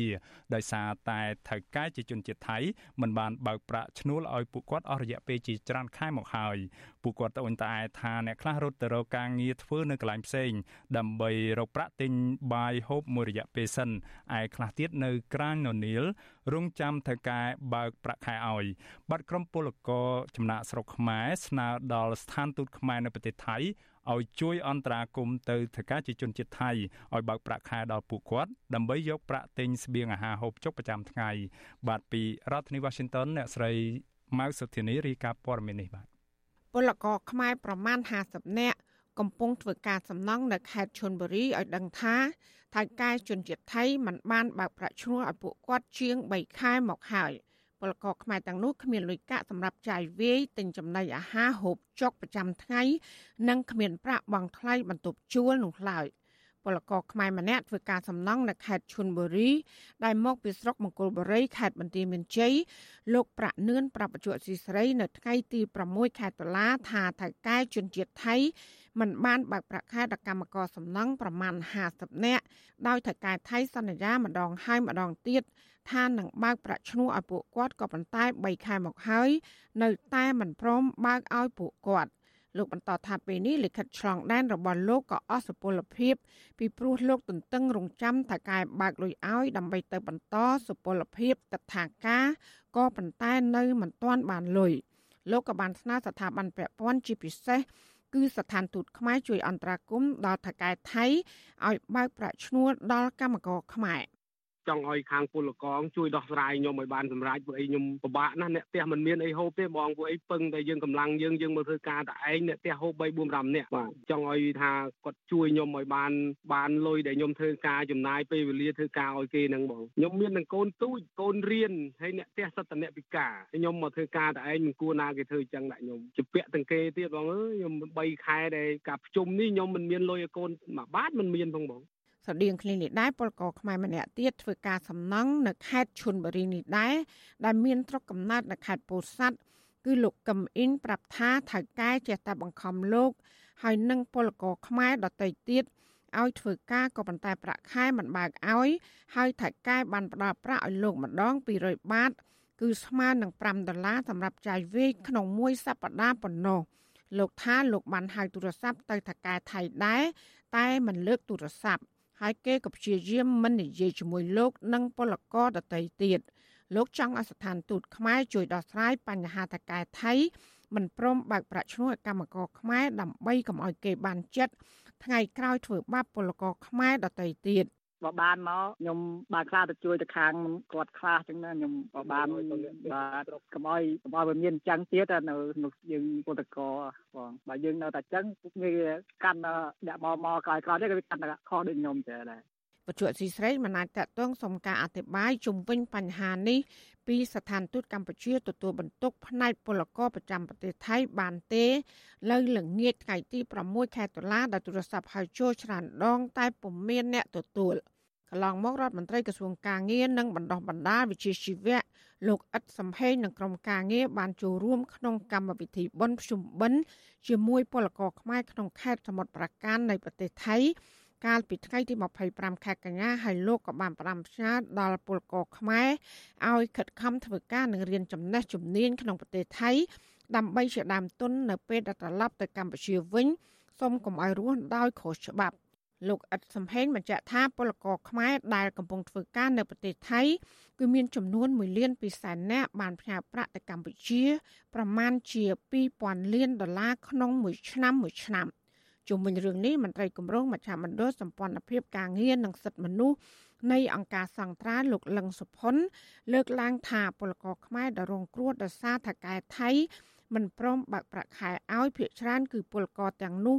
មកធ្វើការនៅប្រទេសថៃគ្មានឯកសារស្របច្បាប់ បញ្ហានេះហើយដែលធ្វើឲ្យតកែថៃឆ្លៀតឱកាសកេងចំណេញកម្លាំងពលកម្មរបស់ពួកគាត់។ លោកក៏បានស្នើដល់ស្ថាប័នពាក់ព័ន្ធគួរតែចោះជួយដល់ពលករខ្មែរឲ្យបានទាន់ពេលវេលា នៅពេលដែលពួកគាត់ជួបការលំបាកហើយលោកចង់ឲ្យពលករខ្មែរដែលមកធ្វើការនៅប្រទេសថៃត្រូវធ្វើការដោយស្របច្បាប់ ក្រសួងពាក់ព័ន្ធដែលគាត់ចង់ជួយដោះស្រាយដល់បងប្អូនពលករខ្មែរឬក៏ចង់ជួយជាលក្ខណៈណាមួយមានវិធានការណាមួយដើម្បីជួយដល់ពួកគាត់ខ្ញុំគិតថាវាជារឿងល្អពីព្រោះកន្លងមកនោះឃើញថាច្រើនតាកតងទៅរឿងមិនបើកប្រាក់ខែឲ្យជាពិសេសអ្នកធ្វើការកសាងនឹងតែម្ដងហើយថ្មីថ្មីនេះឃើញតំណែងតំណងមកខ្ញុំដើម្បីឲ្យជួយចុះដោះស្រាយអញ្ចឹង របាយការណ៍របស់អង្គការសង្ត្រាប្រចាំប្រទេសថៃឲ្យដឹងថា មានពលករខ្មែរកំពុងធ្វើការនិងរស់នៅទាំងស្របច្បាប់ និងមិនស្របច្បាប់ប្រមាណជា2លាននាក់ចាននាងខ្ញុំម៉ៃសុធានីវិទ្យុអាស៊ីស្រីប្រធានាធិបតី Washington បាទលោកនាងកញ្ញាប្រិមម្នាក់ស្ដាប់ជាទីមេត្រីយើងងាកមកស្ដាប់រឿងរ៉ាវតាក់ទងនឹងរឿងរបស់លោកនាយរដ្ឋមន្ត្រីហ៊ុនសែនវិញម្ដងបាទអ្នកអប់រំព្រះពុទ្ធសាសនាលើកឡើងថាលោកនាយរដ្ឋមន្ត្រីហ៊ុនសែន គឺជាមេដឹកនាំប្រព្រឹត្តទង្វើអាក្រក់ច្រើនទើបមិនហ៊ានឲ្យក្រុមគ្រួសារយកធាតុឬសាកសពរបស់លោកទៅបញ្ចុះនៅក្នុងចេតិយដែលភរិយារបស់លោកបានសង់រួចរាល់នៅក្នុងបរិវេណវត្តមួយនៅក្នុងខណ្ឌច្បារអំពើរាជធានីភ្នំពេញបាទបើទោះបីជាយ៉ាងណាក៏ដោយអ្នកនាំពាក្យគណៈបកប្រជាជនកម្ពុជា បានបដិសេធថាលោកហ៊ុនសែនឲ្យក្រុមគ្រួសារសង់ចេតិយនៅផ្ទះជំនួសវិញនោះគឺជារឿងធម្មតានោះទេបាទលោកទីនសាការីយ៉ាមានសេចក្តីរាយការណ៍មួយទៀតជុំវិញព័ត៌មាននេះបាទ ស្ថាបនិកបណ្ដាញប្រសង់អាយក្រិចដើម្បីយុទ្ធធម៌សង្គមប្រតិជនបបន្ទិញលើកឡើងកាលពីថ្ងៃទី5ដុល្លារថាជារឿងចម្លែកដែលភរិយាលោកហ៊ុនសែនសង់ចិត្តដីទុកសម្រាប់លោកនៅក្នុងបរិវេណវត្តមុនីសវណ្ណឬវត្តចំពោះក្អែកនោះប្រតិជនបបន្ទិញបន្តថាតាមទំនៀមទម្លាប់ខ្មែរកម្រឃើញភរិយាសង់ចិត្តដីទុកឲ្យប្តីណាស់តែភ ieck ច្រើនកូនកតញ្ញូសង់ទុកសម្រាប់ឲ្យឪពុកម្ដាយក្រោយពីស្លាប់ប្រងបន្តថាកូនចៅសង់ចិត្តដីទុកនេះលុះត្រាតែឪពុកម្ដាយចាស់ជរា ឬឈឺធ្ងន់ធ្ងរក្នុងដំណាក់កាលចុងក្រោយព្រះអង្គបន្ថែមថាសម្រាប់លោកហ៊ុនសែនវិញទំនងជាភរិយារបស់លោកដឹងថាលោកហ៊ុនសែនកំពុងមានជំងឺអ្វីមួយដូច្នេះហើយបានជាលោកហ៊ុនសែនហាក់អន្ទះសារចង់ផ្ទេរអំណាចឲ្យកូនកាន់តែឆាប់នោះយើងមិនអាចចោទប្រកាន់ហ៊ុនសែនថាកើតនឹងស្លាប់ក្នុងរយៈពេលខ្លីទេរឿងនឹងវាអសរោះបន្តិចប៉ុន្តែយើងក៏លេចមើលអញ្ចេះវិញមើលទិដ្ឋភាព3ទិដ្ឋភាពទី1 ហ៊ុនសែនហាក់បីដូចជាប្រឹងខ្ទីខ្ទារៀបចំផ្ទេរអំណាចរៀបចំផែនការដាក់ឲ្យកូនហើយប្រតិទិភាពទី2យើងឃើញនឹងអស់គ្នាហើយគឺគាត់រៀបចំមិនត្រឹមតែដាក់ឲ្យកូនទេគឺគាត់រៀបចំឲ្យចៅគាត់ទេ ទស្សនវិជ្ជាទី3យើងមើលឃើញប្រពន្ធរបស់គាត់ហាក់បីដូចជាដឹងថាហ៊ុនសែនប្រហែលជាពិបាកក្នុងការថែរក្សាសុខភាពរបស់គាត់ទៅធ្វើប្រជែកដីអោយអាហ្នឹងយើងមើលយើងមើលរូបភាពទាំង3ហ្នឹងហាក់បីដូចជាមានសញ្ញាណអីមួយប៉ុន្តែដូចថ្មលើកឡើងថាមិនគូប្រមាថជីវិតសត្វមនុស្សឬក៏អ្នកដែលយើងស្អប់ក៏យើងមិនគូប្រមាថអីចឹងដែរលោកនាយករដ្ឋមន្ត្រីហ៊ុនសែនថ្លែងក្នុងពិធីសម្ដែងសម្ដាលជាមួយប្រជាពលរដ្ឋក្នុងស្រុកមន្ទីរស្រីខេត្តសៀមរាប កាលពីថ្ងៃទី1ដុល្លារថាភរិយារបស់លោកបានលួចសង់ចេតិយមួយទុកនៅក្នុងវត្តមុនីសវណ្ណឬវត្តចំពោះក្អែកមានទំហំ25គុណនឹង35ម៉ែត្រស្ថិតនៅក្នុងខណ្ឌច្បារអំពៅសម្រាប់លោកលន់សានបន្ថែមថាភរិយាលោកលួចសង់ចេតិយនេះដោយសារតែឃើញបងប្រុសរបស់លោកគឺលោកហ៊ុនណេងអតីតអភិបាលខេត្តកំពង់ចាមបានស្លាប់ដោយសារជំងឺគាំងបេះដូងភ្លាមភ្លាមកាលពីខែឧសភាកន្លងទៅ លោកហ៊ុនសែនបញ្ជាក់ទៀតថាទោះបីជាភរិយារបស់លោកសង់ចិត្តដីទុកនៅវត្តស្រស់ស្អាតយ៉ាងណាក៏ដោយក៏លោកមិនចង់ទុកធៀបឬសពលោកនៅក្នុងវត្តឡើយព្រោះលោកខ្លាចបារមីមិនដល់ហើយក្រុមបងធំទៅរករឿងដល់វត្តយោងលើអបិយជំនឿខ្ញុំអត់ហ៊ានដាច់ខាតហើយអត់ហ៊ានទេតាមស្រួលបារមីយើងទៅដល់ហ្នឹងគឺខ្មោចពលឹងយើងហ្នឹងគឺត្រូវគឺជន់កនៅក្នុងប្រោបារមីមិនដល់កុំលេងកុំលេងខ្ញុំអត់លេងទេណាខ្ញុំប្រាប់ប្រពន្ធខ្ញុំ គាត់ទៅលួចធ្វើចេតដីនៅក្នុងវត្តចំពោះក្អែងខ្ញុំថាខ្ញុំមិនទៅនៅវត្តទេអត់ទៅទេសូមទោសមិនទៅទេតល់តែទម្លាយរឿងតាមកពីចាប់ប្រើមកពីបងប្រុសខ្ញុំទាំងបេះដូងភ្លៀងភ្លៀងអញ្ចឹងទៅពិបាកដល់ងាកមកសួរថានៅការពិបាកអញ្ចឹងមានវិធីមួយធ្វើសម្រាប់ខ្លួនឯងនៅផ្ទះហ្មងតែគាត់ថាអេធ្វើរួចនៅនឹងឯងណែវត្តចំពោះឯងគាត់ថាសុំទោសខ្ញុំអត់ទៅនៅអត់ទៅនៅដាច់ខាត់មិនទៅនៅហ្មង ព្រោះមិនដឹងវត្តហ្នឹងគ្មានអីខ្លះនៅហ្នឹងខ្មោចយើងទៅស្រាប់ទៅទៅដល់មានអាយុគោមក្រុមយុគោអាបងធំមួយក្រុមទោះបីជាបែបនេះក្តីអ្នកប្រពុទ្ធសាសនាលើកឡើងថាលន់សានលើកពីបារមីមិនដល់នេះគ្រាន់តែជារឿងបាត់បង់អំពីការភ័យខ្លាចរបស់លោកតែប៉ុណ្ណោះលន់សានមិនត្រឹមតែខ្លាចក្នុងពេលលោកនៅមានជីវិតនៅឡើយនេះទេ តែពេលលោកស្លាប់ទៅក៏លោកខ្លាចដែរពីព្រោះទីវត្តអារាមដែលជាទីកន្លែងសាធារណៈលោកខ្លាចប្រជាពលរដ្ឋ ទៅតាមរករឿងដល់ចេតដីទៀតក្រោយពីស្លាប់លោកហ៊ុនសែនខ្លាចបែបនេះដោយសារតែក្រមការដឹកនាំរបស់លោកបានធ្វើបាបរាជបណ្ដេញប្រជាពលរដ្ឋចេញពីដីធ្លីចាប់ពលរដ្ឋដែលមិនមែនជាបកពួកដាក់គុកច្រវាក់និងបាញ់សម្លាប់នៃវិភាកសកម្មជនបរិស្ថានអ្នកកសែតនិងមេដឹកនាំសហជីពជាដើមប្រតិជនមកបន្ទិញបញ្ជាក់ថាលោកហ៊ុនសែនមិនចង់ឲ្យគេយកសាកសពឬធៀបទៅតម្កល់នៅក្នុងចេតិយក្នុងវត្តនេះដោយសារតែលោកជាមេដឹកនាំអាក្រក់ពីព្រោះជំនឿនៅក្នុងគម្ពីរមនុស្សអាក្រក់មេធ្មប់ និងមេអាបជាដើមមិនអាចយកធាតទៅដាក់នៅក្នុងវត្តបានទេអ្នកដែលចេះធ្មប់អាបច្រាប់អំពើនិងអ្នកធ្វើអំពើអាក្រក់នៅក្នុងជីវិតច្រើនអត់ហ៊ានចូលវត្តទេដោយគេមានជំនឿថានៅវត្តទើបតែមនុស្សនឹងមានសេចក្តីល្អខ្មោចល្អបើនៅមនុស្សក៏មនុស្សល្អទៅជាខ្មោចក៏ខ្មោចល្អមិនមែនជាខ្មោចអាក្រក់ដែលទៅដល់ទីនោះ ហើយពួកស្ដេចយមរាជដែលគេនៅក្នុងវត្តពួកខ្មោចពួកបាយសាចដែលនៅក្នុងវត្តគឺមានរិទ្ធដើម្បីកម្ចាត់ទៅជាមួយនឹងពួកអ្នកដែលបានធ្វើអំពើខុសឆ្គងកើតពីនៅរស់ខ្លាចជាខ្មោចក៏ទៅយាយីគ្នាក្នុងវត្តដែរហ៊ុនសែនគឺគិតជំនឿប្រភេទនោះប៉ុណ្ណាកលែងទាំងអស់ហ្នឹងมันមានសម្ដែងបញ្ជាក់ថាខ្មោចចងពីគ្នាទេប៉ុន្តែធ្លាប់មាននៅក្នុងគម្ពីរពុទ្ធសាសនាចែងថាស្ដេចយមរាជគេនិកបញ្ជាពោ ដាច់យមរាជនឹងអ្នកចាប់អ្នកដែលបានធ្វើបាបនឹងបោះខ្ទះធ្នត់អីចឹងទៅចាប់ដុតទង្រួអីចឹងទៅមានប្រេតខ្លះនឹងប្រេតជារូបភ្លើងអីចឹងទៅប្រេតភ្លើងអីទៅឃើញរបស់ចំណៃគូទទួលទានក៏ចាប់មកឆេះទៅជាភ្លើងអានឹងមាននៅចេញនៅក្នុងគម្ពីរពុទ្ធសាសនាប៉ុន្តែត្រង់ថាខ្មោចជើងកាងខ្មោចយូកូមអត់មាននៅក្នុងគម្ពីរទេទោះជាយ៉ាងណាអ្នកនាំពាក្យគណៈបកប្រជាជនកម្ពុជាលោកសុកអេសានអះអាងថាលោកហ៊ុនសែនមានសុខភាពល្អធម្មតាតែភរិយាលោកសង់ចេតដីទុកនេះ ជារឿងទំនៀមទម្លាប់ធម្មតារបស់បរដ្ឋខ្មែរតែប៉ុណ្ណោះទៅនៅវត្តហ្នឹងគេគាត់សម្គាល់តាមខ្ញុំប៉ាន់ស្មានទេណាខ្ញុំមិនចំនួនគាត់ទេក៏ប៉ុន្តែតាមប៉ាន់ស្មានថានៅវត្តអារាមទៅវាជាទីដែលអឺសំគួរណាក្នុងនាមជាពុទ្ធបរិស័ទទៅនៅវត្តទៅវាវាបានជាលក្ខណៈស្ងប់ ស្ងាត់អញ្ចឹងទៅតែតែអ្នកនៅដូចជានៅមលំគៀនស្វាយនៅខេត្តកណ្ដាលនេះបងប្អូនខ្ញុំមើលឃើញគាត់ធ្វើតែក្នុងភូមិបូជាសពបូជាមិនទៅយកទៅវត្តទៀតបូជាតែក្នុងភូមិខ្លួនឯងហ្នឹងភាកច្រើនបាទអាហ្នឹងទៅតាមការជឿតាលទ្ធភាពឬលក្ខណៈសម្បត្តិក្នុងភូមិឋានរបស់ខ្លួនរបាយការណ៍របស់អង្គការសិទ្ធិមនុស្សអន្តរជាតិ Human Rights Watch ចេញផ្សាយកាលពីពេលកន្លងមកថាលោកហ៊ុនសែនជាមេដឹកនាំបាត់ដៃប្រឡាក់ឈាម លោកអាចរក្សាអំណាចបានដល់សពថ្ងៃដោយសារតែការប្រើប្រាស់អំពើហិង្សាការគៀបសង្កត់និងការប្រព្រឹត្តអំពើពុករលួយលន់សែនប្រើប្រាស់កងកម្លាំងនគរបាលនិងយោធាដើម្បីអនុវត្តបញ្ជារបស់លោកក្រៅពីនេះលោកបានបង្កើតក្រុមកងកម្លាំងជាច្រើនមានទាំងក្រុមចំហនិងក្រុមសម្ងាត់ដើម្បីកំទេចអ្នកប្រឆាំងជាដើមលន់សែនបានឲ្យក្រុមគ្រួសាររបស់លោកសង់ចិត្តដីទុកនៅក្នុងភូមិគ្រឹះរបស់លោកនៅឯក្រុងតាខ្មៅជំនួសវិញនេះដោយលោកបានលើកហេតុផលថា លោកបានប្រកល់ផ្ទះនោះឲ្យចៅច្បងរបស់លោករួចហើយដោយលោកហ៊ុនសែនអះអាងថាចៅច្បងនេះជាម្ដាយរបស់លោកមកចាប់ជាតិប្រតិកម្មបន្ទិញលើកឡើងថាលោកហ៊ុនសែនចង់ឲ្យសង់ចេតីនៅក្នុងបរិវេណផ្ទះនាក្រុងតាខ្មៅនេះព្រោះជាកម្មសិទ្ធិឯកជនរបស់លោកនិងមានកងអង្គរៈយាមកាមដែលបរដ្ឋទូទៅមិនអាចទៅប៉ះពាល់បានខ្ញុំទីនសាការីយ៉ាអសិរ័យប្រធានីវ៉ាស៊ីនតោន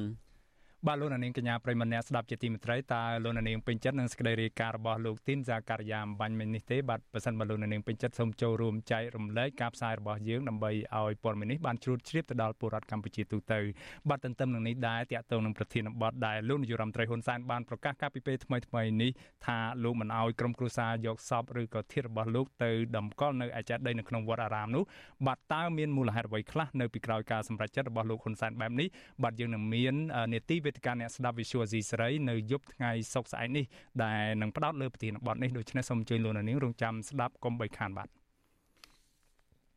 បាទលោកនាងជាទីមេត្រី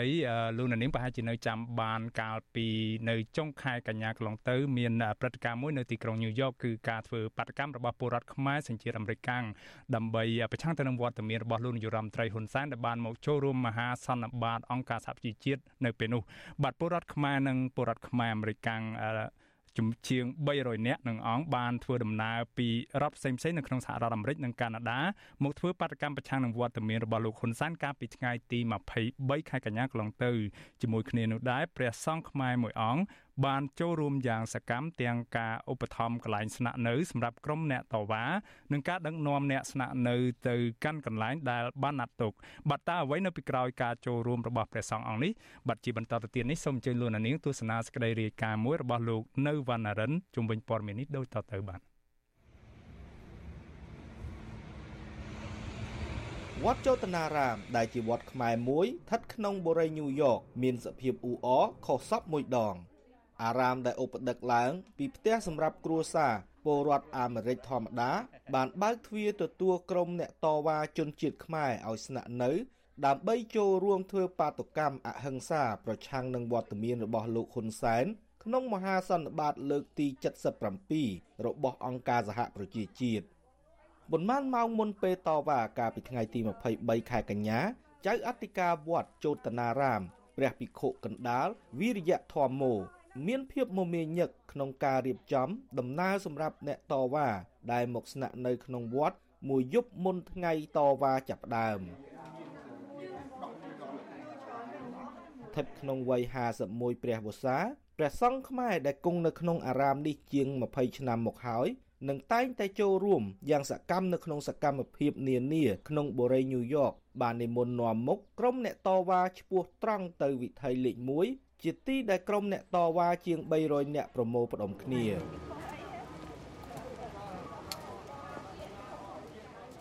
ក្រុមអ្នកតវ៉ាប្រមាណ30រូបដឹកនាំមុខដោយភិក្ខុដែលមានមៀតតូចល្មមបានឆ្លងកាត់វិថីនានា ទៅកាន់រថភ្លើងក្រោមដី កាត់កណ្ដាលទីក្រុងញូវយ៉កធ្វើដំណើរឆ្លងកាត់អាគារខ្ពស់ខ្ពស់នៃតំបន់ពាណិជ្ជកម្មនិងនយោបាយដ៏សំខាន់របស់ពិភពលោកមុននឹងចូលទៅដល់មុខទីស្នាក់ការធំ របស់អង្គការសហប្រជាជាតិ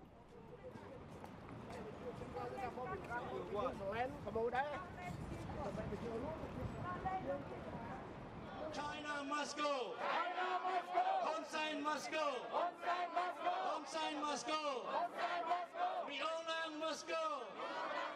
មីអូឡាំងម៉ូស្គូ ចៅអធិការវត្តជោតនារាមព្រះភិក្ខុកណ្ដាលវិរិយធម្មមោបានប្រាប់អាស៊ីសេរីថាព្រះអង្គបានបើកទ្វារអារាមជាពិសេសសម្រាប់ពលរដ្ឋខ្មែរដែលជាអ្នកតវ៉ាមុខទីស្នាក់ការអង្គការសហប្រជាជាតិឲ្យបានស្នាក់នៅស្ទើរតែរាល់លើកក្នុងរយៈពេល5ឆ្នាំចុងក្រោយនេះដោយសារតែភាពអយុត្តិធម៌ក្នុងប្រទេសកម្ពុជា ការរំលោភសិទ្ធិមនុស្សសិទ្ធិបញ្ចេញមតិ និងនយោបាយកើតមានកាន់តែច្រើនឡើងច្រើនឡើង។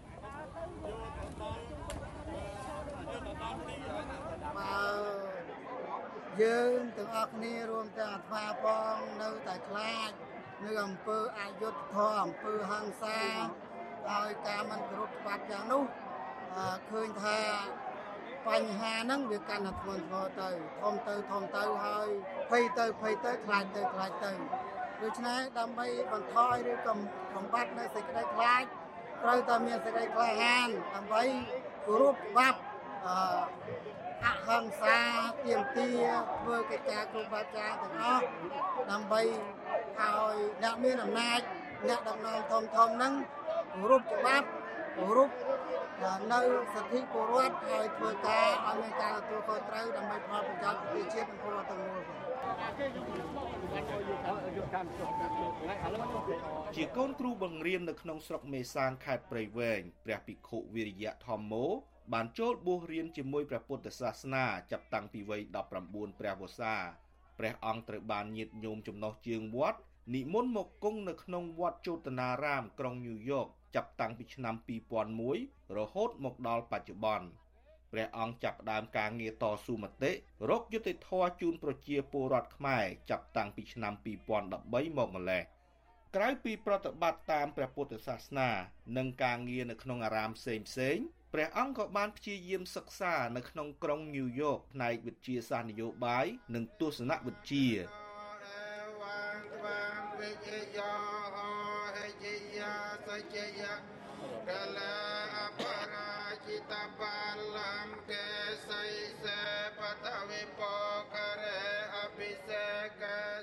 ព្រះសង្ឃដដែលក៏បានអះអាងថាការបើកឲ្យជនជាតិខ្មែរស្នាក់នៅក្នុងអំឡុងពេលតវ៉ានិងការចូលរួមរបស់ព្រះសង្ឃនៅក្នុងការតវ៉ាសិទ្ធិសេរីភាពសម្រាប់ពលរដ្ឋខ្មែរមិនបានខុសទៅនឹងពុទ្ធបញ្ញត្តិអ្វីនោះទេ បើទោះជាមានការបារម្ភខ្លះខ្លះពីសវត្ថិភាពផ្ទាល់របស់ព្រះអង្គនិងការដាក់សម្ពាធដើម្បីបណ្ដេញចេញពីវត្តអារាមនៅពេលអនាគតក៏ដោយក៏ព្រះភិក្ខុដែលត្រូវបានគេស្គាល់ថាជាភិក្ខុកណ្ដាលនៅតែបដិញ្ញាទាមទារសិទ្ធិសេរីភាពជូនប្រជាពលរដ្ឋនៅក្នុងប្រទេសកម្ពុជា។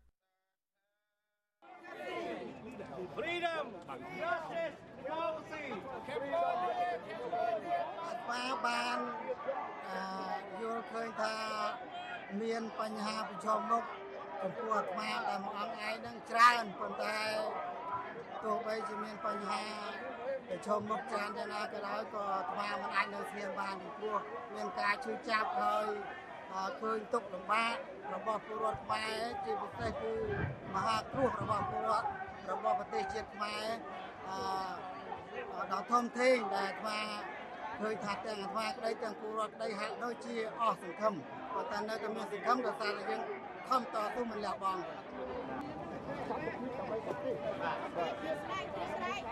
អ្នកតវ៉ាមួយរូបនៅក្នុងចំណោមអ្នកតវ៉ាប្រមាណ30នាក់ដែលបានស្នាក់នៅនៅក្នុងវត្តជោតនារាម គឺអ្នកនាងសិនមីសែល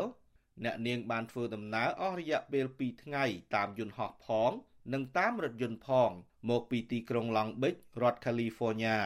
ស្ត្រីវ័យ51ឆ្នាំរូបនេះក៏បានបង្ហាញចំណាប់អារម្មណ៍ថាការឲ្យក្រុមអ្នកតវ៉ាស្នាក់នៅក្នុងវត្តអារាម គឺបានជួយកាត់បន្ថយការចំណាយការស្នាក់នៅជាពិសេសសម្រាប់អ្នកតវ៉ាដែលធ្វើដំណើរមកពីរដ្ឋឆ្ងាយឆ្ងាយដូចអ្នកនាង។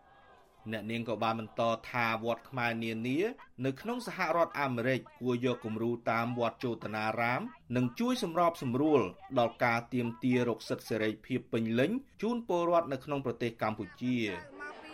យើងធម្មតាយើងមកនេះមិនមានអ្នកណាជួលហើយចេញសិលពីកប៉ៅខ្លួនហើយអញ្ចឹងវត្តហ្នឹងហើយជាស្នាក់អាស្រ័យរបស់ខ្មែរទាំងអស់មិនដែលខ្មែរណាទេចា អញ្ចឹងវាក៏ទូសអុយមកកតាយើងទុកលុយចាក់សាំងទុកលុយញ៉ាំអញ្ចឹងណាពួកពួកយើងធ្វើដំណើរម្នាក់ម្នាក់មិនអត់លុយតិចទេចាអញ្ចឹងហ្នឹងយើងអរគុណលោកអរគុណកន្លែងលោកដែលផ្គាល់កន្លែងទីស្នាក់ឲ្យស្នាក់អាស្រ័យហ្នឹងណាចាហ្នឹងហើយត្រឹមអរគុណលោកច្រើនហើយការធ្វើដំណើរក៏អរលោកច្រើនដែរបានមានអ្នកមានមានអ្នកក្រពួកយើងមិនមែនអ្នកមានមិនសិនអ្នកក្រតែយើងមានទឹកចិត្តការដោះលែងអ្នកទោសរាជការកញ្ញាសេធារី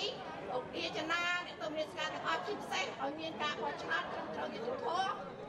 ការតវ៉ាប្រឆាំងនឹងការដឹកនាំរបស់លោកហ៊ុនសែនក្នុងបូរីញូវយ៉កត្រូវបានបញ្ចប់កាលពីរសៀលថ្ងៃទី23កញ្ញាដោយក្រុមអ្នកតវ៉ាហាយញ៉ាត់ទៅជូនតំណាងរាស្ត្រនិងមន្ត្រីអាមេរិកសំខាន់សំខាន់មួយចំនួន ក្នុងក្រុងញូវយ៉កអ្នកចូលរួមជាច្រើនបានធ្វើដំណើរវិលត្រឡប់ទៅតំបន់ដែលខ្លួនស្នាក់នៅរៀងៗខ្លួន ក៏ប៉ុន្តែព្រះចៅអធិការវត្តជោតនារាមព្រះភិក្ខុកណ្ដាលនៅតែបន្តការតាំងចិត្តរកសេរីភាពផ្នែកបញ្ចេញមតិនយោបាយជូនពលរដ្ឋខ្មែរនៅក្នុងប្រទេសកម្ពុជា ហើយព្រះអង្គក៏បានអំពាវនាវដល់លោកហ៊ុនសែននិងរដ្ឋាភិបាលឲ្យដោះលែងអ្នកទោសនយោបាយនានា បញ្ចប់ការគៀបសង្កត់ពលរដ្ឋនៅក្នុងប្រទេសកម្ពុជា និងឈប់យកខ្មែរជាសត្រូវខ្ញុំបាទនៅវណ្ណរិន វិទ្យុអាស៊ីសេរីរាយការណ៍ពីទីក្រុងញូវយ៉ក